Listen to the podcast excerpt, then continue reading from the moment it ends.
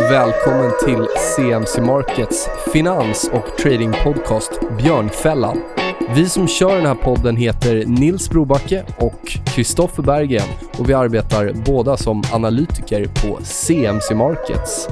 CMC Markets är nätmäklaren som riktar sig mot dig som är intresserad av aktiv handel. Vi erbjuder handel i CFDer på aktier, index, råvaror, räntepapper och valuta i fler än 10 000 produkter världen över. All handel sker via vår kostnadsfria och prisbelönta handelsplattform. Vi finns nu i 17 länder och är börsnoterade på London Stock Exchange.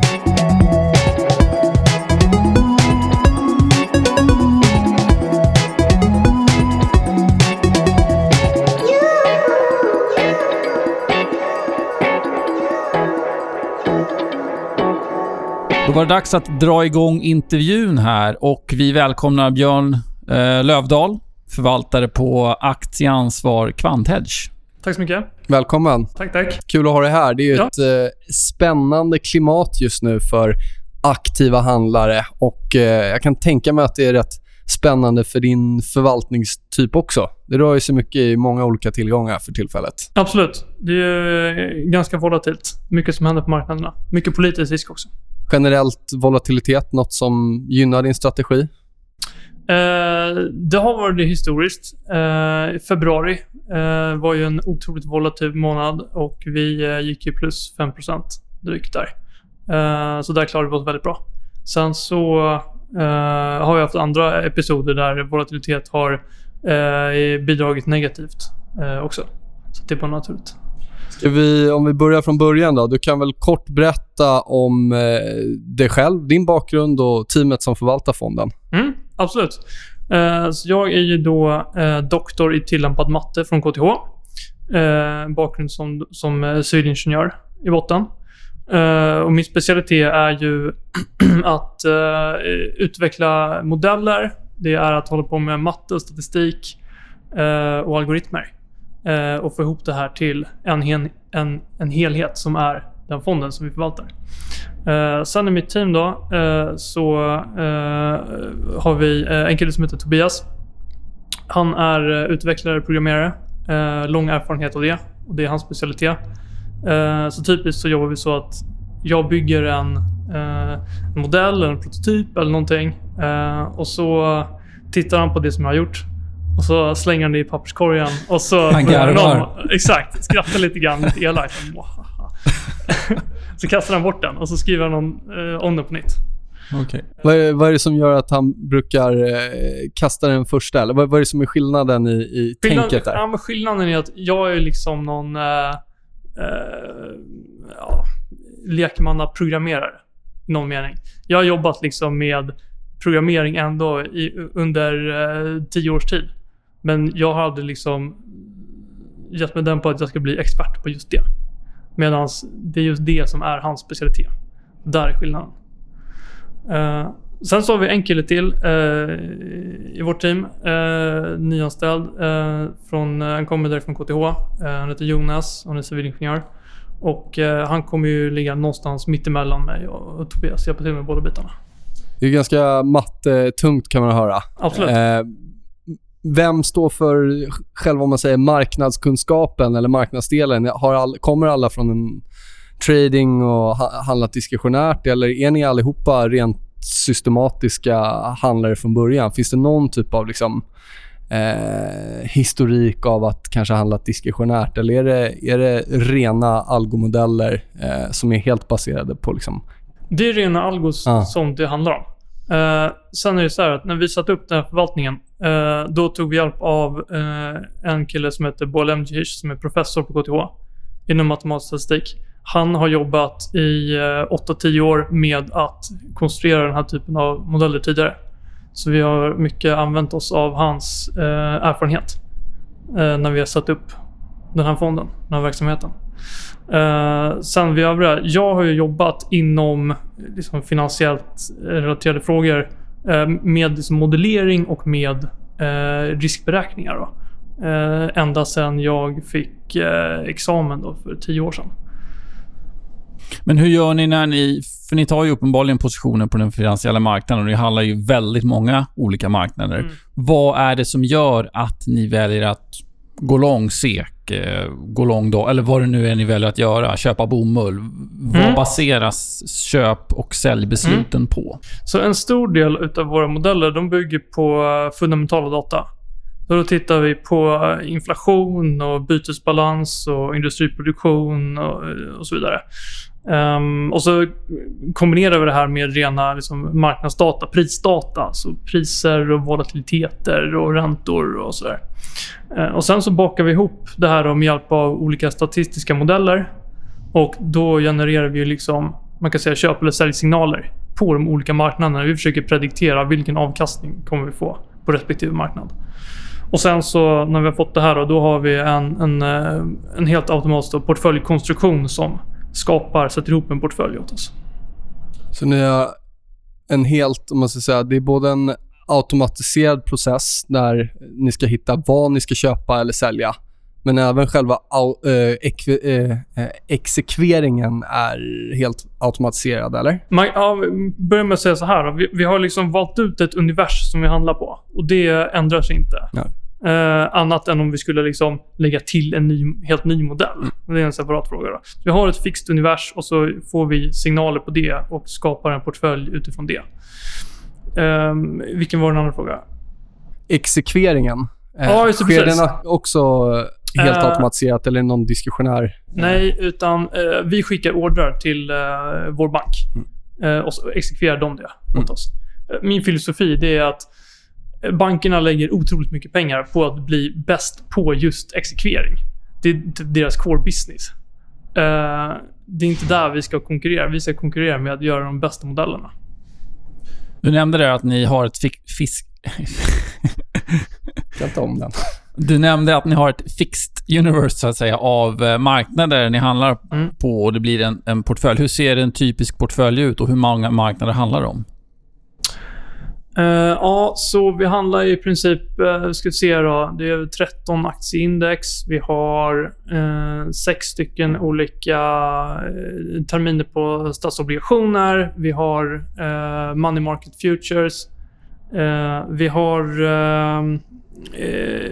vad blir det, 15-tal olika valutor. Typ hälften är developed markets, hälften är emerging markets. Eh, och så är det väl ett 15-tal uh, råvaror också. Så man kan sammanfatta det som en råvaruportfölj, en ränteportfölj, en FX-portfölj och en enskilda aktier eller in, aktieindexportfölj. Nej, aktieindex. Aktieindexportfölj. ja, Ja. precis. Och sen så har vi ju... eh, vi ser ju egentligen volatilitet som ett tillgångslag också. Och då handlar ni vad då? VIX eller? Eh, ja, vi handlar uh, VIX-terminer, VIX-optioner och eh, sen vanliga då, eh, optioner på aktieindex. Du nämnde ju, bara intressant, du nämnde ju där tidigare i februari den största volatilitetsmällan någonsin tror jag i alla fall i det komplexet. Mm. Eh, vad var det som genererade positiv avkastning där? Var det VIX-benet eller vad? Eh, ja, det, var, det var två bitar egentligen. Eh, dels var det att vi hade en ganska defensiv positionering. Eh, så vi var eh, inom liksom relativ eh, value-benet så var vi överviktade defensiva eh, bitar. Då. Och sen så inom volatilitet då, så var vi lång Och det gav ju ett väldigt fint bidrag där. Vad var anledningen till att ni valde att ligga lång VIX? Var det för att det var, hade kommit ner på extremt låga nivåer relativt till historien? Eller vad var det som... För många låg i kort VIX och liksom Mm. plockade Mm. lite rullning där. Men varför Ja, låg ni långa VIX? Man kan säga så här då. Vi ser så, alltså he, hela... eh, Man måste titta på hela volatilitetsportföljen, hur den ser ut. Dels så har vi, vi ställer ut eh, optioner då på eh, S&P och på Eurostox. Eh, som vi då också delta-hedgar. Och det här ligger vi då och plockar en liten volatility carry på. Så då får vi lite grann betalt varje månad oftast. Eh, och utöver det här så har vi eh, två olika sätt att eh, tjäna poängen på VIXen. Dels så eh, köper vi eh, puttar på VIXen, för VIXen tenderar att rulla neråt. Eh, så då får vi med eh, rullen där. Eh, men eh, vi eh, är inte direkt exponerade mot en stor VIX-rörelse eh, uppåt där. Eh, för det är ju någonting som, eh, som kan vara väldigt, eh, väldigt riskfyllt. Man såg till exempel under februari att det var flera eh, inverse VIX eh, ETFer som bara exploderade och torskade 95% på en dag. Absolut. Den avkastning som har genererats sedan 2009 eh, Helt kan i princip bli wipad på Ja. en dag. Exakt, men om du köper eh, puttar istället, då har du begränsat förlusterna väldigt kraftigt. Eh, så man slipper helt den aspekten. Eh, och sen så, till det här då, så kan man egentligen se långa VIX-terminer är ett komplement till det här och det bygger egentligen på en idé om en eh, proxy hedge. Eh, de här utställda optionerna, de tjänar oftast lite grann pengar varje dag. Men om det blir väldigt volatilt, eh, då eh, kan de förlora pengar. Och eh, ett sätt att eh, hedga det, det är ju, okej man hedgar med eh, underliggande, sen en delta hedge. Eh, men då eh, är fortfarande volatiliteten helt ohedgad. Eh, så då kan du göra en så att säga korrelationshedge där. Titta på, okej om S&P faller 5%, hur mycket kommer VIX i genomsnitt eh, att stiga då? Eh, och så sätter man upp en, eh, en position i VIX-terminer då, som ska eh, motverka det. Och det var egentligen den biten som vi fick väldigt bra payoff på. Kan man generalisera och säga att det finns klimat som är generellt sett positiva respektive negativa för fonden? Eller beror det på hur de parametrarna som ni har i era modeller utvecklas? Ja, en sak man kan säga eh, det är ju till exempel att ehm, eh, råvarorna har ju haft det ganska knackigt i år. Och jag tror att en stor förklaring till det är eh, att Trump har gått ut och kör sina handelskrig. Varje gång han är ute och twittrar eh, någonting aggressivt eh, så blir det lite minus i portföljen. Ungefär så eh, har det varit. Så när det är politiken, den kortsiktiga politiken som, som dominerar så tenderar det att gå mindre bra. Eh, och när fundamenta styr eh, så tenderar det att gå bättre. Du nämnde att ni både har fundamenta, pris och volatilitet som Mm. input i modellen. Ja. Eh, är det en förutsättning för att man ska kunna handla på det här sättet? Eller vad, hur har tankarna gått där? För vissa menar ju att till, till, till exempel när liknande, eller i alla fall automatiserad strategi, att man ska hålla sig till då endast prisdata, till exempel. Eh, eller ja, volatilitet. Vad, hur, hur är tanken där med, med de tre benen? Liksom? Varför väljer man att ta all inputs från alla dem? Det handlar ju om att man fångar upp olika typer av information. Om du tar en, en vanlig klassisk eh, trendföljande fond, vilket vi inte är, då kanske du fokuserar enbart på att titta på eh, prisdata och utvecklat algoritmer enbart för det. Eh, så säg då att du är eh, trendföljare och du har en jättestark trend som har pågått jättelänge och dina algoritmer kanske då säger att ja, det här ser jättebra ut, så vi maxar vår exponering här. Men det kanske inte finns någon, alltså man kanske har sprungit ifrån fundamenta för länge sedan. Eh, så om du hade haft en mer balanserad vy som tittade på en liksom, större bit information så kanske du inte skulle ha varit riktigt lika positiv i det fallet. Och det är ju alltid så här, alltså inga träd växer till himlen. Förr eller senare så kommer en krasch. Ingen vet när, men den kommer. Det är det enda man vet. Och de klassiska trendföljarna brukar ju få ge tillbaka 5-10% i slutet av en sån bra trend för dem. Ja, ja, visst. Och är det Visst. där någonstans som ni klarar av då kanske att eh, inte tappa lika mycket eller? Eh, ja, men om du ser i eh, eh, januari så Mm. var det ju eh, en... eh, då var det ju det var ganska bra för trendande strategier. De öppnade året bra. Eh, och sen så kom februari och wipade hela deras eh, värdeökning för Ordentligt. året. Eh, Medan vi steg med eh, 5%. Eh, så att vi, vi är ett annat djur. Mm. Eh, och jag tycker mycket väl, man behöver inte säga ska jag ha den ena eller ska jag ha den andra. Utan Mm. båda två har sin plats i en portfölj. Liksom. Pratade du om eh, VIX-smällen där i, i februari. Ser du att klimatet har förändrats någonting? Jag tänker på korrelationen mellan olika tillgångslag nu, alltså perioden efter om du jämför med perioden innan. Det har ju blivit lite stökigare, eh, känns det som. Men korrelationerna, för innan kändes det som att mycket korrelerade med varandra. Eh, det, är, det är ingenting som jag har eh, tittat på specifikt. Det finns i sådana fall i våra eh, modeller. Det är ingenting som jag sitter och eh, personligen följer på daglig basis. Ska vi prata lite om riskhanteringen där? För att Mm. ni är inne och handlar på väldigt många, i väldigt många olika tillgångslag. Hur, hur exponerade blir ni åt något håll, så att säga? Alltså, överviktar ni i någon form av tillgång? Eller ni har ju såklart begränsningar hur mycket ni får vara exponerade i koppar eller vad det nu kan vara för någonting. Men kan du inte berätta lite hur det ser ut där? Mm, absolut. Eh, så det finns ju eh, flera olika begränsningar som vi har. Dels så finns det ju så att säga rena exponeringsbegränsningar. Eh, det är egentligen bara hur mycket bruttoexponering får vi ha i fonden. Sedan så har vi begränsningar på hur mycket säkerheter som vi får ställa för våra affärer. Och det är så att vi handlar ju mestadels då med futures. Lite grann optioner också som jag nämnde. Men alltid när man handlar med futures så måste man ställa en massa säkerheter. Det. och det blir då en naturlig begränsning för Eh, hur mycket eh, exponering som eh, man kan ta. men bortsett från det då. De, långt innan man slår i de begränsningarna Eh, så, så har vi eh, tajtare begränsningar då med avseende dels på eh, value at risk. Det är någonting som står i, i, i fondens fondbestämmelser. Då finns det limit på hur mycket value at risk får eh, hela fonden ha på en dags eh, horisont och hur mycket får ligga i ett enskilt värdepapper. Uh, eh, utöver det så uh, har vi uh, så att säga en front office-limit som vi har satt själva som är mer förknippade med, med hur vår strategi är tänkt att fungera. Att vi har en expected shortfall limit också. Jag föredrar ju personligen expected shortfall framför valued risk för då gömmer man inga risker i svansen. Skulle du kunna utveckla det där lite? Gömma risker i svansen? Ja, så säger jag att... Vi, jag, jag, tar eh, ett väldigt enkelt exempel då. Säg att eh, jag är intresserad av eh, väldigt risk på 1% nivån.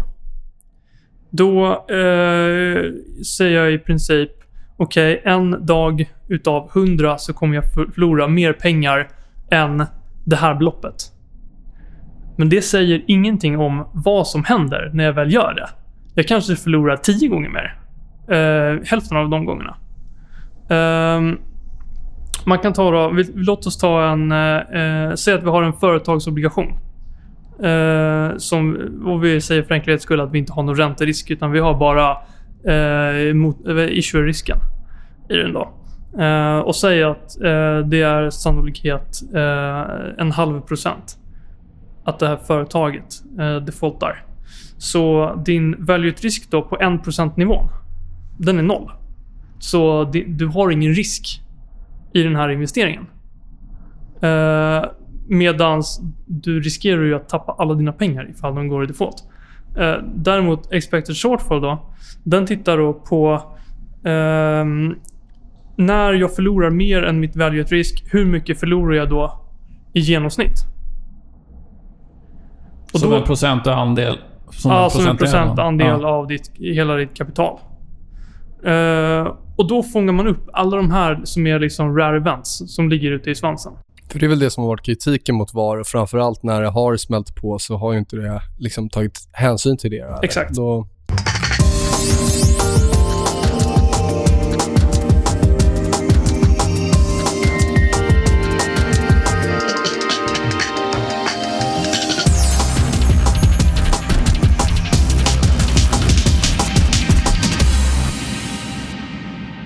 Låt oss säga att du får en eh, köpsignal i guld eller vad det nu kan vara.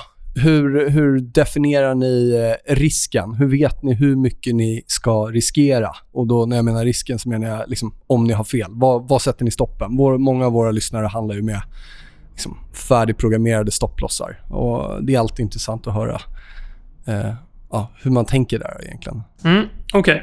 så eh, då kokar det egentligen ner till den eh, mm, portföljallokeringsmetoden eh, som vi använder. Den bygger egentligen på samma filosofi som någonting som kallas för risk parity. Grundtanken är att varje strategi som vi kör ska bära ungefär lika mycket risk i portföljen. Eh, så då kör vi den här algoritmen. Vi ser hur mycket eh, vikt ska vi lägga på eh, olika strategier olika tillgångar. Um, och det här kommer att ge oss en portfölj där så att säga portföljvikterna summerar till 100%. Det vill säga vi har investerat eh, liksom 100% av fondens kapital mer eller mindre. Men de flesta av de här strategierna är eh, liksom marknadsneutrala. Det är jättemånga positioner som går emot varandra. Så om vi skulle stanna där, då skulle vi ha ungefär 1% volatilitet i fonden. Eh, så vi använder hävstång för att vi ska kunna leverera den risknivå som vi har lovat fondandelsägarna. Och vad ligger den på snitt? Standardvikelse? så över tid så ska den ligga på mellan 10 och 15 procent. Eh, men det här är på sett över ett antal eh, års historik. Då. I perioder av marknadsturbulens så kan volatiliteten kortsiktigt vara högre. Eh, och volatiliteten kan faktiskt också vara lägre än 10% ibland. Eh, och det har att göra med att vi, vi levererar portföljen tills vi slår i en av våra limiter. Eh, den ena är volatilitetslimiten. Den andra är vi har den här expected shortfall-limiten, som jag sa. Vad det här får för effekt då? Det är följande. Att Låt oss jämföra med det andra fallet som är ganska vanligt eh, på marknaden. Att du kör en volatility target. Där man säger att jag ska alltid ha 10% våld. Så vad hände då? Om vi ser på situationen som var slutet på förra året. Då var vollarna rekordlåga. Det betyder att om du ska hålla din 10% våld, då måste du ha rekordstor exponering. Och sen kommer du in i februari och så kanske du inte riktigt har koll på eh, hur snabbt dina risker kan öka där. Eh, och så riskerar du helt plötsligt eh, att drabbas av väldigt stora förluster. Och det är ofta efter en sån konsolidering av volatiliteten så kommer det ofta ett större utbryt åt något håll. Eh, då ska det ju Ja. ofta, man kan generalisera och säga så. Och då, där menar jag på att då blir det svårt att hinna ställa om där. Ja, Ja. precis. Det, är också, det blir också... mm, Eh, alltid när det är mycket volatilt, då kan det bli större spreadar på marknaden. Vilket, det, det kan bli så att det blir dyrare att gå ur dina positioner också. Ehm, det som oftast händer för oss då, det är att vi slår i vår eh, expected shortfall limit först. Då betyder det att volatiliteten i fonden är lägre än vad limiten säger att den får vara. Om volatiliteten i marknaden stiger, då tillåter vi vollen i fonden att stiga också. För att anpassa sig till rådande marknadsklimat. Exakt. Ja. Exakt. Eh, och vi börjar inte skära exponering förrän vollen har slagit i eh, vår vollemit. Egentligen då. Och det gör ju det att då har vi en buffer där vi inte behöver liksom, vi måste inte gå ut på marknaden nu, nu, nu och allokera om. Utan vi kan, eh, vi kan vänta och göra det när det är ett lämpligare tillfälle. Så lite mer svängrum där. Ja. Vad är det som gör då att ni, eftersom fonden är ju, den är ju helt automatiserad. Mm. Vad är det som gör att fonden då, om vi säger det, väntar med att gå ut och anpassa sig efter den ökade volatiliteten som du var inne på? Och det är precis det att eh, vi, i och med att vi inte har slagit i vårt volatilitetstak ännu. Då, Okej, det är det lå- som är låter för att gå fonden, Då, ja, exakt, exakt. Då förstår jag. Mm. Vad tycker du om kritiken som, som riktas mot risk parity generellt då? Att det just är en liten... Ja, det är någonting som kan implodera om då vi får en, hö, alltså en, ö, en högre volatilitet, volatilitet som är lite mer ihållande. Att de då, det kommer leda till stora avförsäljningar för att de behöver anpassa sig efter den ökade volatiliteten, dra ner på leverage och så vidare. och så vidare. Eh, ja, så kan det absolut bli. Jag tycker att eh, till viss del så är det ehm, befogad kritik. Också som jag sa, när, om, om volen är historiskt låg så får en, en vanlig klassisk risk parity-strategi historiskt hög exponering. Och tvärtom, eh, vilket säkert då eh, bidrar till eh, marknadens svängningar. Ehm, Vilket vi antagligen såg i februari då. då. Ja. ja. Och där kan man säga då att ni klarade, då är det ju faktiskt bra. Ni genererade positiv avkastning exakt. i ett sånt marknadsklimat. Exakt. Om vi kikar lite mer på tillgångslagen här, nu hoppar vi mellan frågorna. Men Mm. har, ni, har du identifierat, eller har ni, ni identifierat några tillgångslag som, när, de väl, när ni väl hamnar rätt, så blir det ganska bra fart, antingen på uppsidan eller nedsidan, i den tillgången? Är det klassiska, lite mer exotiska råvaror eller? Ja, det, det som man kan säga som sticker ut där lite grann för oss är ju volatilitet. Mm. Eh, det är det ju. Eh, annars är det ju väldigt beroende av eh, marknadsklimatet. Alltså om det är... Säg att det är en... Det kommer en volatilitetschock och vi är eh, defensivt positionerade, låt säga i, i eh, tyska statsobligationer och i dollar eh, och igen. Eh, eh, och de tillgångarna går ju typiskt väldigt bra då, ofta. Eh, det är klart att man kan få liksom snabbt uppsving. Eh, så. Eh, så så är det absolut. Det gäller att, man säger, eh, nu jobbar ni ju inte på det sättet med stoppa på nedsidan om vi tittar på liksom profit-sidan. Mm.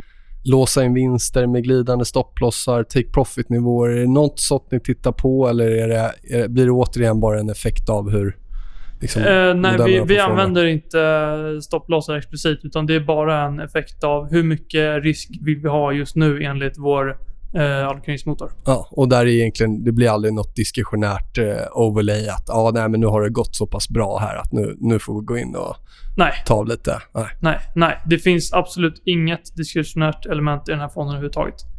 Utan allt är systematiskt. Saknar du något, alltså det här mer eh, manuella, mänskliga, eller är det bara skönt att det är en dator som liksom sköter allting? Ni är såklart input till algoritmerna. Men saknar du någonting i den här ah, mänskliga involveringen?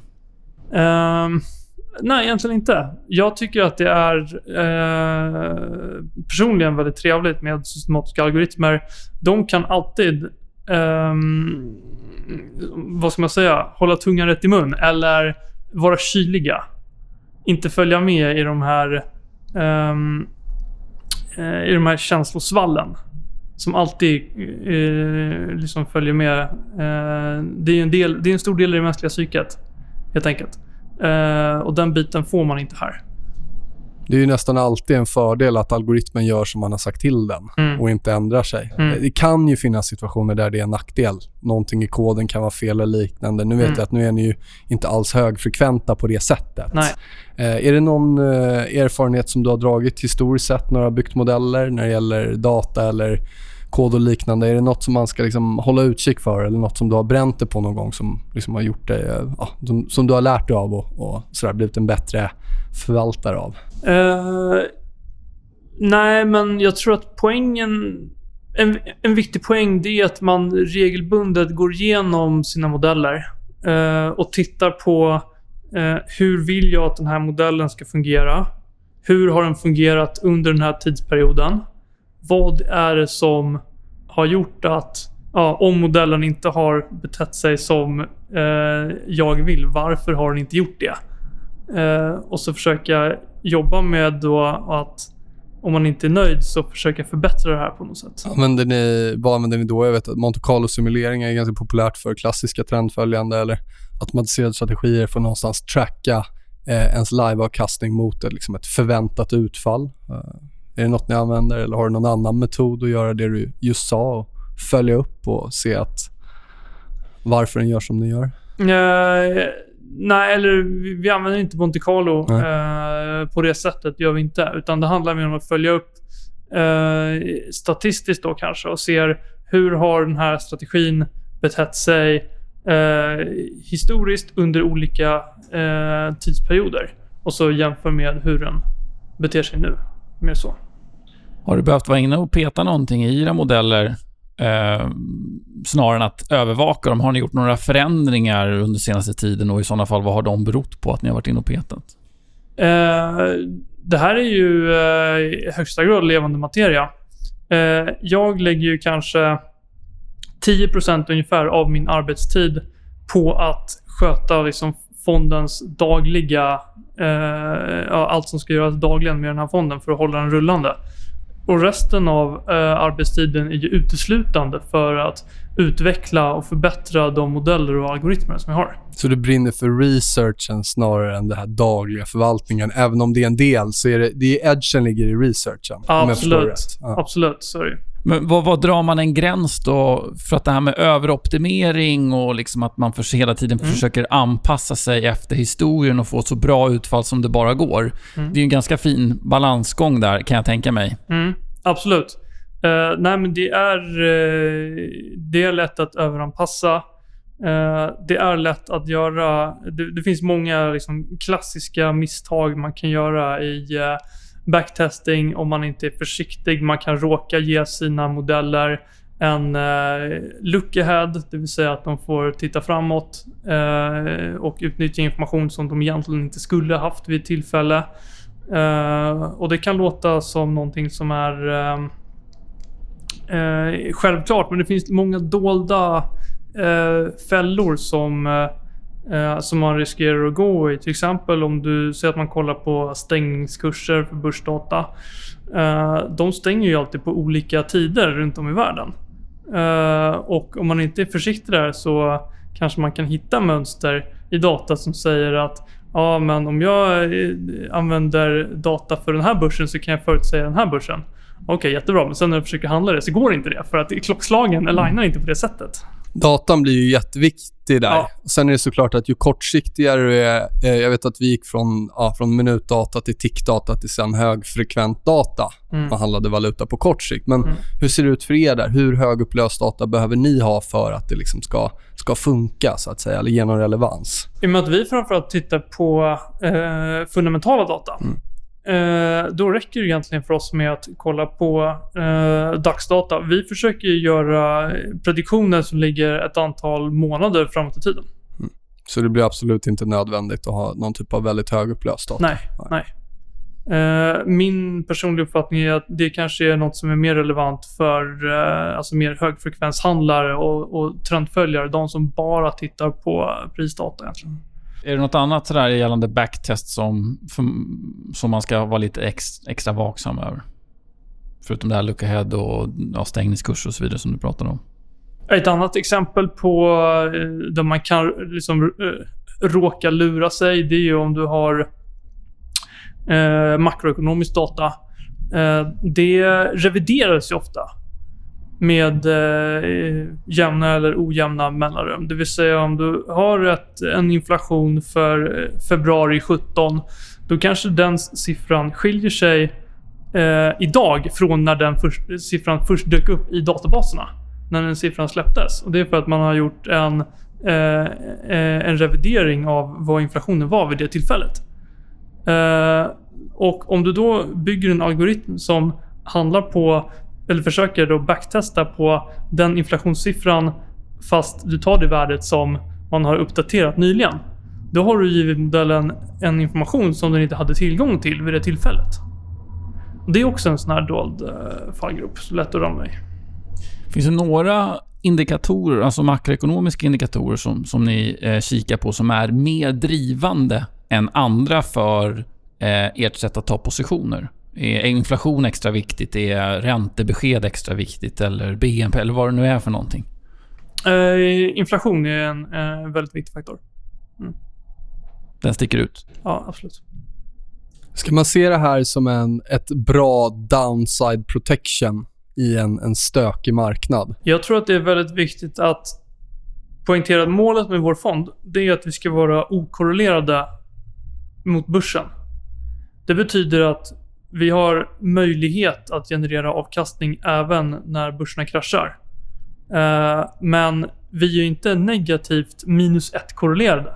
Om du vill ha någonting som garanterat går bra när uh, börsen går dåligt, då måste du köpa exakt bär eller ja. någonting sånt. Uh, det är inte det som, som vår produkt gör. Vi, gör det, vi ger dig möjligheten att tjäna pengar även i dåliga tider.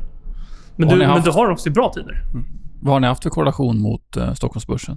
Den ligger runt nollan. Nollan. Mm. Så att den rör sig lite som den själv vill, så att säga, i relation till, till börsen? Ja, alltså eh, korrelationen stiger ju eh, i tider när fonden är allokerad i tillgångar som är positivt korrelerade med Stockholmsbörsen. Och tvärtom. Mm. Så över tiden så varierar korrelationen. Ibland kan den vara eh, liksom plus 30-40%. Ibland kan den vara minus lika mycket sett över eh, ja, en, en, en cykel eh, så ligger det runt nollan. Är det några historiska händelser i marknaden som har liksom gjort dig till en, till en bättre förvaltare eller researcher? Är det någonting som du har haft nytta av eh, historiskt sett som du tänker på idag när du ja, bygger modeller eller researchar eller vad det nu kan vara? Alltså, jag tror att man... Ehm som systematisk förvaltare så är det svårt att dra slutsatser utav enskilda händelser.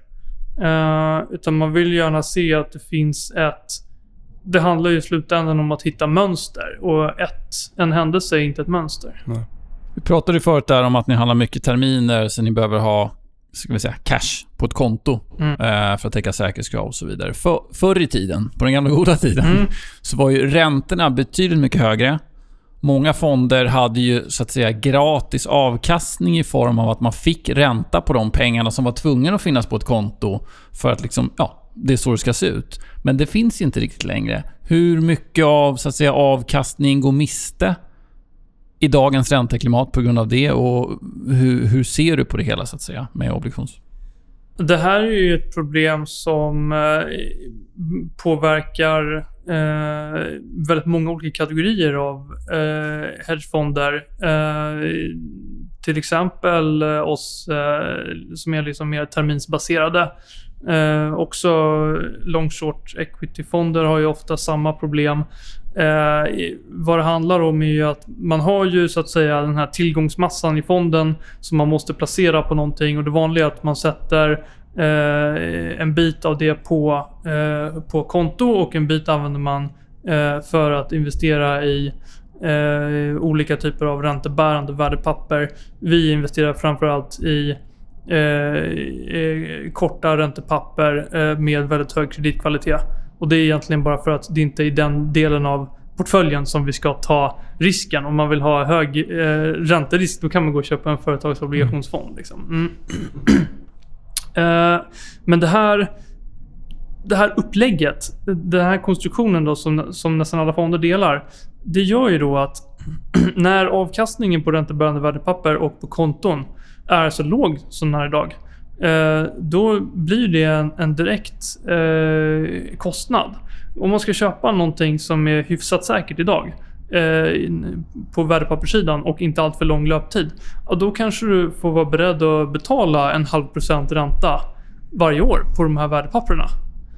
Eh, I skillnad då mot ett liksom mer normalt ränteläge. Se om du får 3-4% på de här. Då har du ju direkt den som en avkastningskudde i fonden. Det har vi inte idag. Nu är det lika för alla, men det blir ju en skevhet då när aktie, alltså aktieförvaltare eller folk som investerar direkt i aktier jämför sig mot trendföljande eller mot Global Macro och så vidare. Just för Mm. att den här avkastningsdelen inte finns än. Den kan ju komma tillbaka. Men det Mm. blir lite skevt. Ehm, Ja, eh, det kan man ju tycka. Ja, absolut. Det, det är svårt att göra en, en jämförelse rakt av. Ni, ni handlar ju råvaror, som sagt. Eh, det finns ju undersökningar och så vidare som har gjorts på... När man kollar på långsiktig avkastning på råvaror så är rullningen av kontrakten väldigt viktig för den totala avkastningen. Mm. Eh, hur, hur ser du på det? Håller du med om det? Eh, Här, jag tror att det gäller... Man alltså man kan se det från olika perspektiv. Eh, vårt perspektiv, det är att vi försöker... Eh, eller våra modeller då genererar signaler som säger nu kommer den här råvaran att gå bättre än övriga. Eh, eh det är egentligen så som eh, det är liksom vårt viktigaste sätt för eh, att få avkastning i den här fonden. Ehm, sen det här liksom med rullning av eh, terminskontrakt. Det finns ju jättestora eh, råvaruindex Eh, där det finns eh, många, många miljarder allokerade på. Eh, där eh, de redan har bestämt på förhand, de här dagarna ska vi rulla kontrakten. Då finns det ju folk som inser att, ah vänta nu, om jag rullar en dag innan. Eh, då kan jag tjäna någonting på det. Och sen kommer någon annan och säger, ah men vänta, jag, jag rullar innan de där. Och då, då ligger jag ytterligare lite före. Ah, okej, men jag, jag rullar ytterligare en dag innan. Eh, och till slut blir det liksom, om tillräckligt många gör det där, då har hela den där effekten spets ut och försvunnit. Det är det som är vad en effektiv marknad är. Så det här har man eh, definitivt kunnat göra historiskt. Jag tror att det går att göra det eh, idag också och liksom bara bygga en strategi på det. Men eh, den här effekten blir liksom mindre och mindre med tiden. Eh, och jag tror att det finns andra strategier som är eh, betydligt mer effektiva. Sharp är ett populärt mått för att visa hur duktig man är på Mm. förvaltning. Mm. Eh, Jag kanske tycker att Sortino Ratio är, är intressantare för Mm. den tar inte hänsyn till volatiliteten på Mm. uppsidan. Det tycker jag är Mm. något positivt. Mm. Hur ser du på Sharp? Är det bara marknadsföring eller är det något ni liksom tar hänsyn till och vill prata om? Eller? Och var ligger ni ungefär? Ehm, ja, eh, fonden har ju som ett mål kan man säga då, att vi ska leverera efter alla avgifter så ska vi leverera Sharp en halv. Som ska vara okorrelerad mot eh, börser och räntor. Eh, och det är nog ett ganska eh, rimligt mål eftersom man kan hålla över tid. Eh, historiskt så har vi legat eh, lite över det tror jag. Ehm, med det sagt då, så varför använder man Sharp? Jo, för att alla gör det. Eh, och eh, det egentligen handlar liksom om att, om att kunna eh, tillgodose det för att investerarna vill se det. Sen så kan jag hålla med dig. Det finns många mått som är mycket mer intressanta än Sharp-kvoten. Sharp-kvoten är ju baserad då bara på eh, volatiliteten. Om du vill eh, liksom kunna ehm, eh, säga någonting mer eh, än att bara få ut eh, liksom den här Sharp-kvotsiffran eh, eh, så... Eller jag menar... Om du ska använda volatiliteten för att säga någonting mer, då måste du kanske anta att dina avkastningar är liksom normalfördelade. Då kan man eh, se lite mer. Men det är ju ingen som har det. Det är ju bara en teoretisk konstruktion. Man är ju... Eh, och de flesta investerare borde ju kanske egentligen vara mer intresserade av att se Okej, men när allting går åt skogen, hur mycket pengar riskerar jag att förlora då? För det är det som är problematiken, att det finns ju fonder med fantastiskt fin Sharp. Mm. Och det är lite det du var inne på förut, det här att man warehousar risk i någon typ av ryggsäck. Att den Mm. är fantastisk till, tills den inte är fantastisk längre. Ja. Och snarare att en låg sharp indikerar en robust modell som bör funka bättre över tid. Då. Man inte är lika beroende av, av så pass hög sharp. Om vi blickar framåt då. Eh, hur ser du på framtiden för Global Macro då, som är, om jag ska kategorisera fondens strategi? Eh, utmaningar, vad ser du stor potential någonstans? Är det något som du som kittlar lite extra i fingrarna om vi kanske kan få lite räntetryck eller jag vet inte. Eh, självklart är det så att eh, högre korträntor skulle ju eh, gynna de här strategierna. Eh, det tror jag definitivt. Eh, I alla fall på sikt. Eh, sedan så måste man ändå... Ma, ma, ma, man får säga så här att ehm, vi har haft, eh, vad, tio år av eh, börsuppgång. Eh, inga träd växer till himlen. Eh, uppgången kan mycket väl fortsätta. Det, det vet man inte. Ehm, vad, eh, vad det handlar om det är att man kanske måste förbereda sig på, på, på, eh, på en eventuell nedgång. Och det kan man göra genom att skapa en bred portfölj. Där hedgefonder har en eh, naturlig del. Eh, och eh, Global Macro är ju eh, en viktig del av det. Vi eh, är ju inte bara okorrelerade mot börs och räntor utan vi är ju också okorrelerade mot eh, trendföljande fonder. Eh, vilket då gör att vi är en väldigt naturlig del i princip alla portföljer. Men det här med, du, du nämnde det här att vi har haft en väldigt lång uppgång och så vidare. Eh, någon bullmarknad skulle bli den längsta. Men är det någonting ni tar hänsyn i era modeller eller är det bara vad det är så att säga? Nej, det är vad det är. Du nämnde historiska korrelationer tidigare, när vi pratade den fundamentala inputen, att ni tittar ändå på eh, korrelationer ur sett ut historiskt sett, om jag förstod det rätt. Mm, absolut. Det är ju en viktig del när vi eh, räknar på eh, riskerna i, eh, i, vår portfölj. Då. Eh, det finns ju, eh, var någon som sa att korrelationer är jättebra tills, de, tills det inte korrelerar längre. Det finns ju en risk med det där att historiska korrelationer inte så att säga, slutar att funka bara, helt enkelt. Mm. Om det är en Mm. kortare period eller en längre period. Hur, hur tänker man där? Eh, liksom, när, när har någonting förändrats så pass mycket att man behöver skruva om i sina antaganden eller i Mm. Vi säger att vi... Um, det finns flera olika sätt att räkna på uh, korrelationer. Uh, och vissa är mer stabila och lämpliga mått än andra. Det här klassiska uh, korrelationsmåttet som eh, många mjukvaror erbjuder som man egentligen då räknar fram med hjälp av eh, kovariansen och de enskilda volatiliteterna. Det tenderar att vara... Det har ganska dåliga statistiska egenskaper. Eh, så det betyder att eh, när, alltid när man gör en, en uppskattning från historiska data så får man ett eh, skattningsfel. Som är felet mellan den, om man säger den sanna korrelationen och det som ditt sample har givit. Eh, det, som, eh, har liksom, det som ger dig exakt den siffran som du får.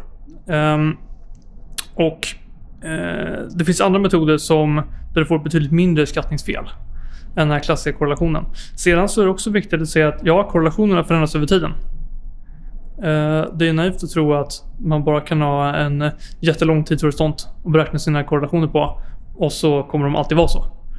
Eh, så vad vi gör det är att vi använder också då en, en tidsviktning kan man säga i det här. Som gör att vi alltid värderar upp de senaste observationerna då högst.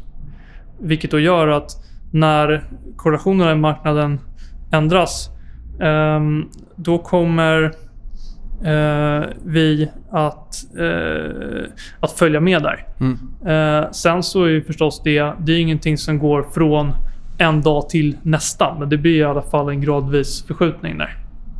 Eh, sen så är det väl också så att när det gäller eh, marknadsneutrala strategier eh, som ju vår eh, fond till stor del består av. Eh, då är det ju lite så att även ifall din korrelationsskattning, eh, det spelar ingen roll vilken korrelationsskattning du har egentligen. För om, säg att alla, säg att alla korrelationer då mellan de här marknaderna eh, går mot ett. Och alla marknader faller exakt lika mycket. Med säg 20% var då kommer din marknadsneutrala strategi att gå plus minus noll. Så det är ytterligare en sån här robust mm. äh, egenskap. Då. Man kan säga att ni söker hela, söker hela tiden bort från korrelation mellan tillgångslag. Är, har jag förstått det rätt då? Du pratar om att alla går mot ett, men ni hamnar ändå på noll. Då måste ju ha någonting som jobbar emot den här ettan, så att säga. Ja, men det är just det att eh, om vi har lika mycket positiv exponering som negativ mm. exponering då, så om alla går exakt likadant så kommer den strategin att gå plus minus noll. Det är bara en naturlig följd eh, av det egentligen. Om du fick gissa, nu vet jag att du lägger inga värderingar i sånt, men om du får gissa, vilken av delarna tror du kommer gå bäst här framgent? Har du någon aning om det? Om vi tittar på, liksom, ja, ta ett år framåt. För tycka får man ju göra, oh. även om man inte behöver agera på det sen. Du får skaka om den här modellen nu så ska den spotta ut ett värde. Okej, okej. Okay, ja, men eh, jag kommer med en, en gissning då. Jag tror att uh, råvarorna kommer att uh, återhämta sig ganska mycket. Uh, för jag tror någonstans att det här, de här handelskrigen kommer inte bli riktigt så illa som marknaderna förväntar sig. Det är då bara min min, min egen högst personliga reflektion. Det finns ingen återkoppling till hur fonden ja. Eh, jag vet att Global Macro är, det är väldigt spännande, alltså den strategin. Har du någon, eh, ja, där ute som du ser upp till eller som du lyssnar lite extra på? Eller var tar du inspiration ifrån? Även om ni är modellbaserade så kan jag tänka mig att du läser lite om vad som händer på marknaden, trender och så vidare. Är det någon där ute som du lyssnar lite extra på? Alltså menar du eh, ja, det kan vara förvaltare eller, eller analytiker eller... eller... Inom global makro-spannet. Ja. Någon som kan vara värd. Om man är intresserad av den här typen av strategier så det här är, en bra person att lyssna. Ja, alltså. Okay, det finns en eh, an analysfirma som heter Gavkal eh, som jag tycker är väldigt trevlig att lyssna på. Mm. De eh, bevakar ju liksom den globala ekonomin och alla stora händelser egentligen. Eh, så det är väldigt trevlig läsning. Han brukar dyka upp i Macro Voices ibland. Louis Gavkal. Ja, det kanske gör. Mm. Mm. Eh, om man vill börja koda och hålla på med modellering och så vidare, vilka språk kör ni? Vi jobbar ju framförallt i Julia, okay. som är open source. Eh, andra alternativ som kan funka på det här området är ju till exempel Python och R. Mm. Och det är bara att börja. Learning by doing. Ja, lite så. Alltså det finns väl... Um, eh, någonstans så är, är, det ju bra att eh, läsa på lite grann också. Eh, jag har till exempel en bok som jag eh, återkommer till mycket som heter eh, ehm, eh, Introduction to Statistical Learning. Den är på, ja, säg masternivå då, på, för, på universitetet. Men den har en väldigt bra genomgång av eh, olika, eh, olika statistiska modeller, olika maskininlärningsmodeller eh, Eh, och försöker eh, beskriva dem eh, liksom av teoret, både teoretiskt och med exempel. Det är en väldigt trevlig bok tycker jag. Ja, men då rundar vi av den här intervjun. Eh, väldigt spännande. Vi brukar ju ha lite long only eller long short förvaltare här med mot aktiesidan, men det är alltid intressant att också få eh, det kvantitativa tänket, det här eh, modelltänket. Eh, för det tror jag faktiskt många skulle ha nytta av, att inte bli så känslomässigt involverad i allting. Bra, då tackar vi Björn. får vi önska lycka till här eh, med förvaltningen. Så kanske vi stämmer av igen om ett tag och ser hur det har gått helt enkelt. Tack så mycket. Kul Ja. att få vara här. Ja, Tack, tack. Tack.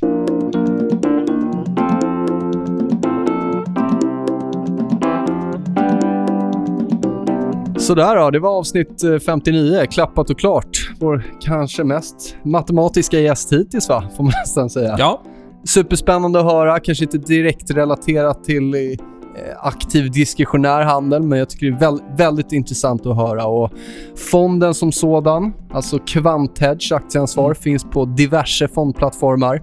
Dagligt handlad, eh, denominerad i SEK.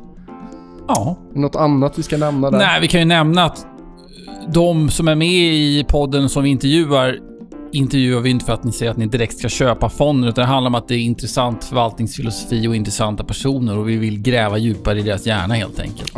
Så Sen är det upp till var och en att välja om man vill göra en investering eller ej. Är man intresserad av Global Macro och specifikt den här fonden så är det bara att kika in då.